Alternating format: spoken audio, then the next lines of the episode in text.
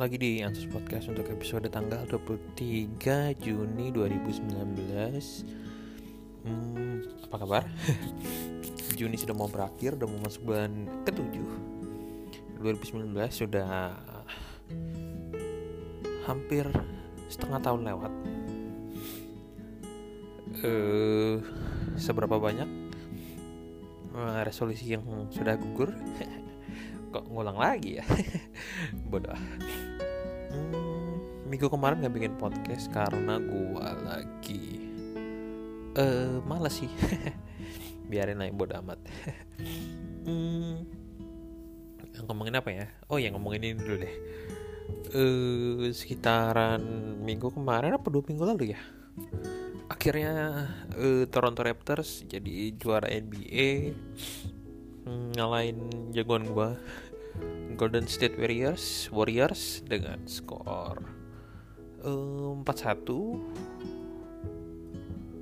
Eh empat satu empat dua. Empat dua empat dua. Empat dua eh, Kawhi Leonard jadi MVP di final NBA nah, ngomongin itu dikit deh. Uh, menurut gua uh, emang Raptors tahun ini lagi uh, bagus banget sih bagus banget. Jadi si uh, di final wilayah mereka ngalahin uh, Milwaukee Bucks yang sebenarnya jadi salah satu calon kuat juara NBA juga.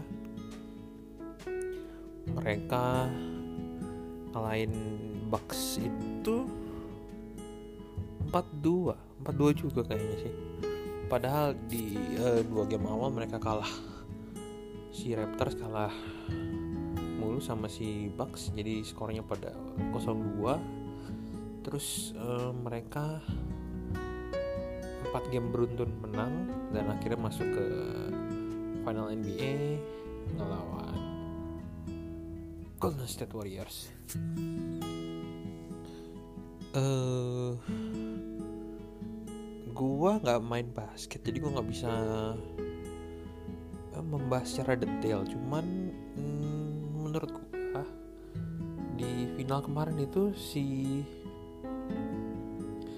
Leonard tuh memang lagi monster banget sih lagi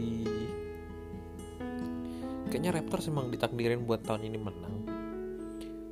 Si di Warriors Kevin Durant cedera.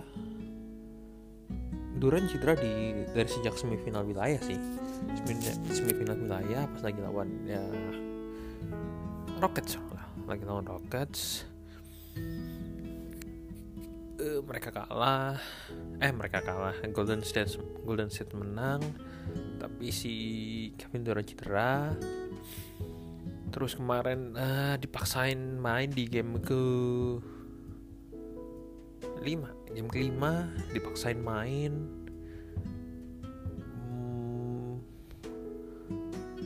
mainnya cuman akhirnya 12 menit.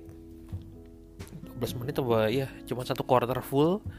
Quarter kedua cedera lagi dan katanya cedera cukup parah ya. Dan uh, mengancam karirnya kalau nggak salah sih. Terus uh, di game terakhir juga si Clay Thompson cedera juga. Ya emang kayaknya Warriors tahun ini lagi apes banget sih mereka nggak bisa main full team dan akhirnya si Stephen Curry berjuang sendiri. Tapi yang kayak tadi gue bilang si Leonard lagi monster banget sih jago banget ya. Akhirnya si Golden State kalah deh. Tapi menurut gua menurut gua menurut gua ini sih kalau lu yang ngikutin NBA mungkin uh, akan berpikir nih orang sok tahu banget sih.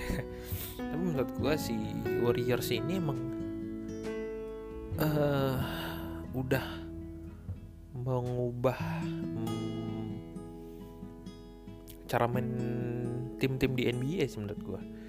Sejak uh, Warriors mulai jadi juara tuh 2000 berapa tuh pertama kali juara dia 2014 ya? 14 15 kayaknya 15 itu uh, dia udah mulai ngubah NBA tuh.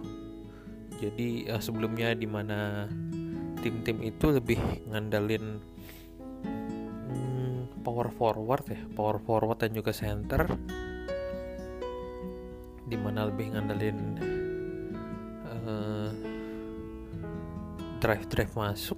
Sedangkan si Golden State ini datang dengan uh, justru berbeda. Mereka mainnya memutar bola cari posisi kosong dan lebih banyak uh, middle shot sama three point shot. Dan itu um, sangat jarang sebelumnya di NBA menurut gue kayak yang lo tahu dulu uh, the greatest of all time NBA itu nggak ada yang three pointers Michael Jordan uh, Kobe Bryant LeBron James atau yang sebelumnya lagi Larry Bird. Uh, Will Chamberlain itu semuanya uh, posisinya lebih ke power forward atau apa ya? Mereka nggak ada three pointer sih. Lebih ke drive masuk position shoot middle shot oke okay, tapi lebih banyak drive like up down gitu gitu sedangkan di di Warriors ini justru three point yang lebih dominan sih. Dan efeknya adalah uh, ketika lo lagi apes karena three point itu kan abuse uh, sebenarnya persen persentase untuk masuknya kecil dibandingkan shot-shot yang lain.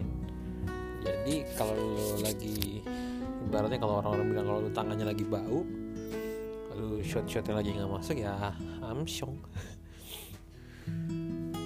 Tapi mau presentasi shot dari three point dari Golden State ini luar biasa sih. Si Stephen Curry sama Klay Thompson itu uh, three pointnya luar biasa.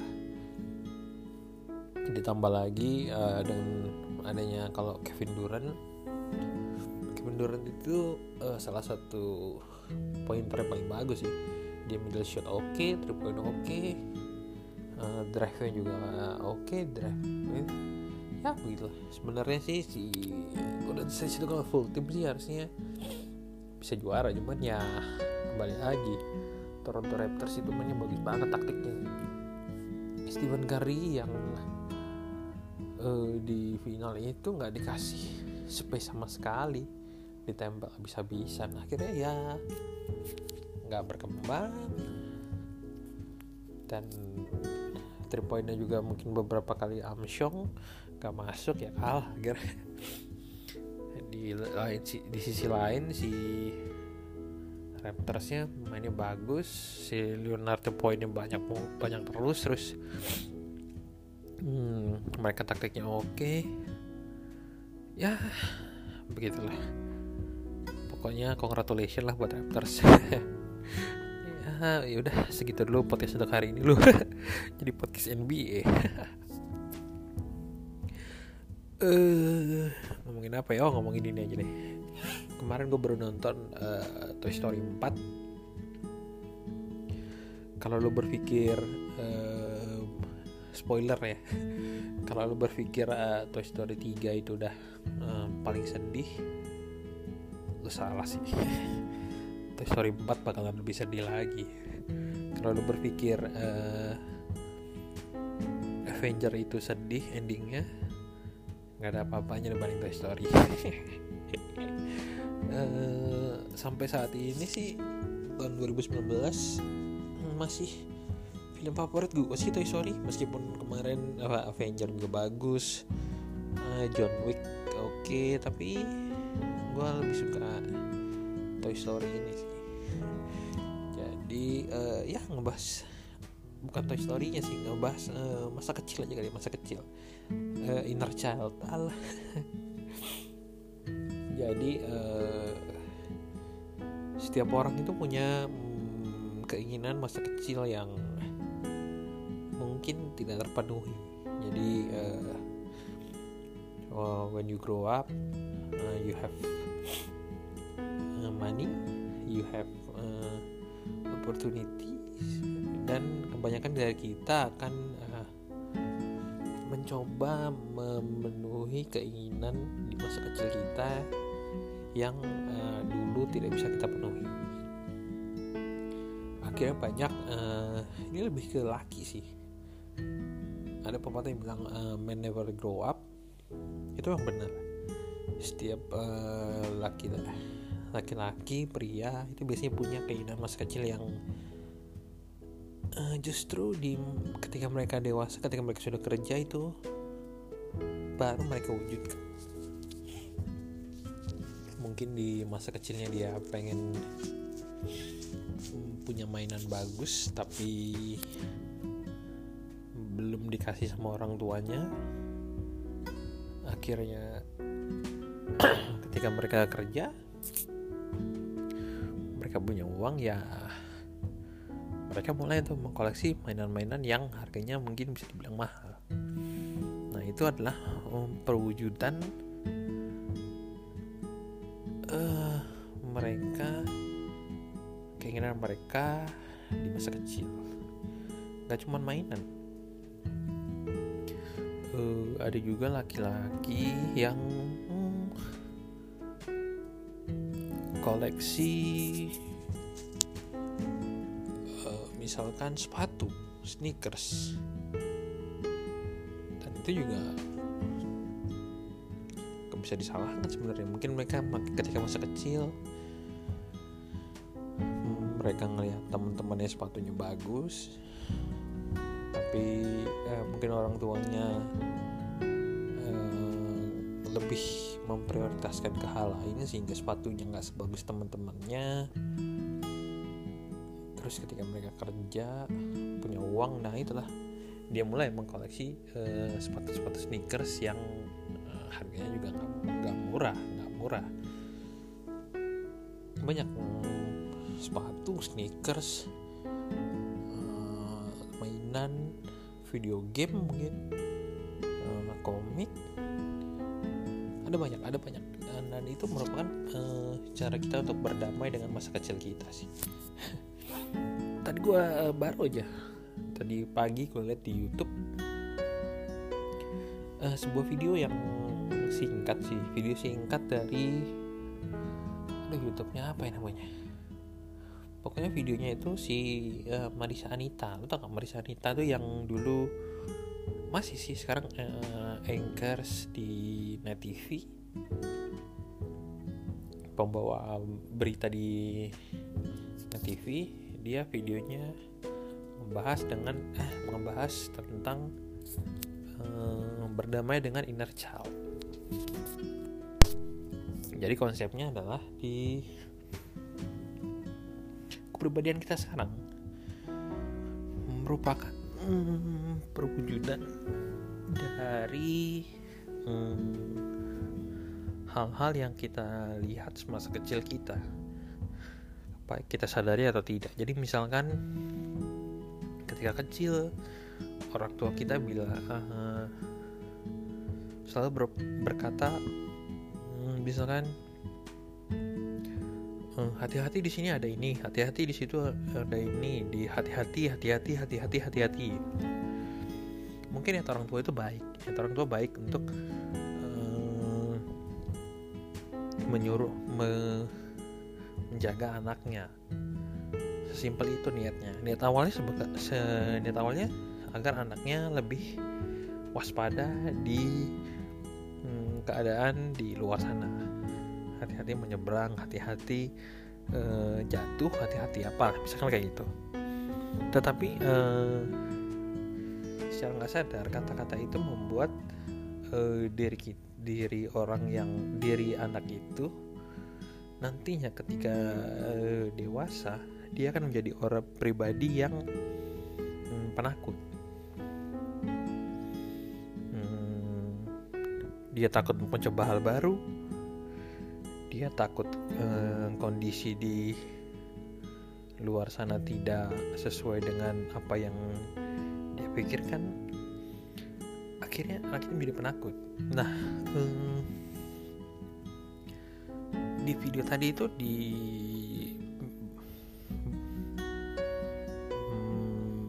diinfokan aduh diinfokan diberitahukan bahwa uh, hal yang bisa kita lakukan adalah kita harus berdamai dengan anak kecil di dalam diri kita.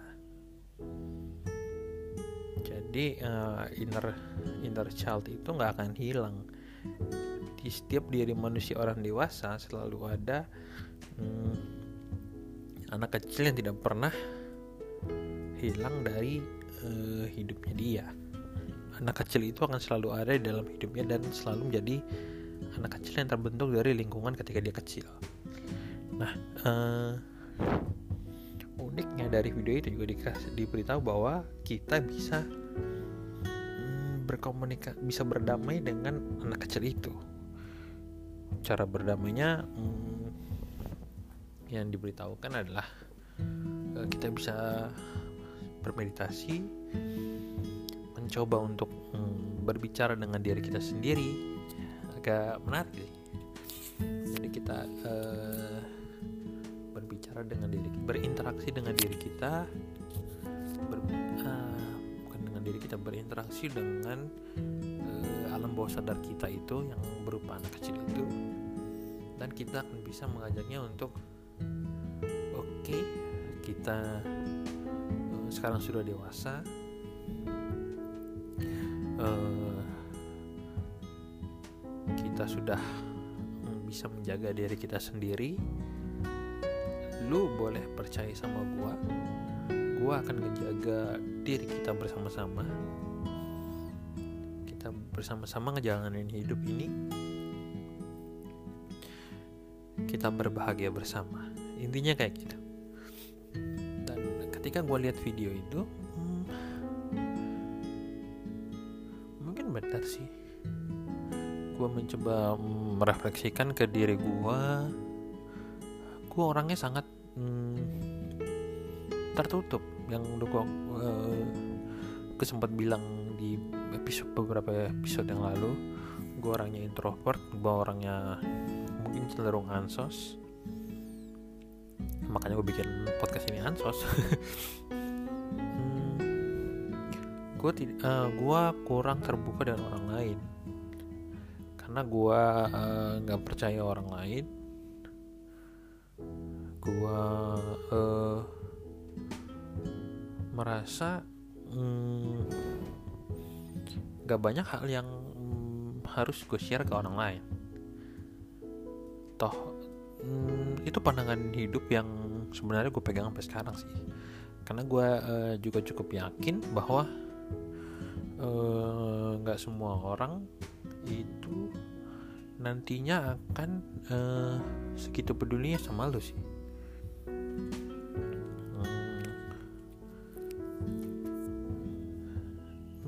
itulah yang ada di pikiran gua.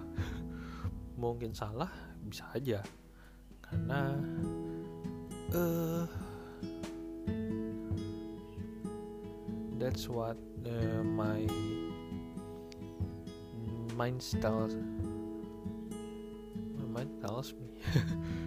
Itu yang otak gue bilang sama gue buat uh, untuk hmm, tidak terlalu percaya sama orang mungkin ada sisi positifnya sih karena emang benar gak semua orang bisa lo percaya.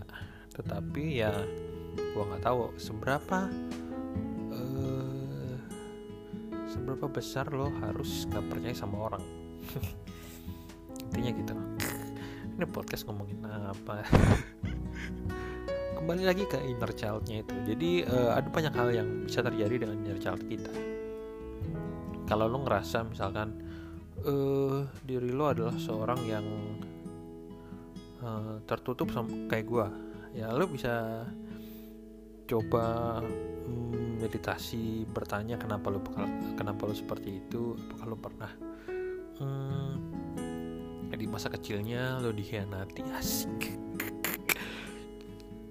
Misalkan lo ditinggal sama temen yang lo percaya atau lo dikerjain sama teman yang udah lo percaya banget waktu kecil bisa aja sih. Atau di, uh, terlalu sering dibohongi orang tua lo. Hmm, ada banyak hal.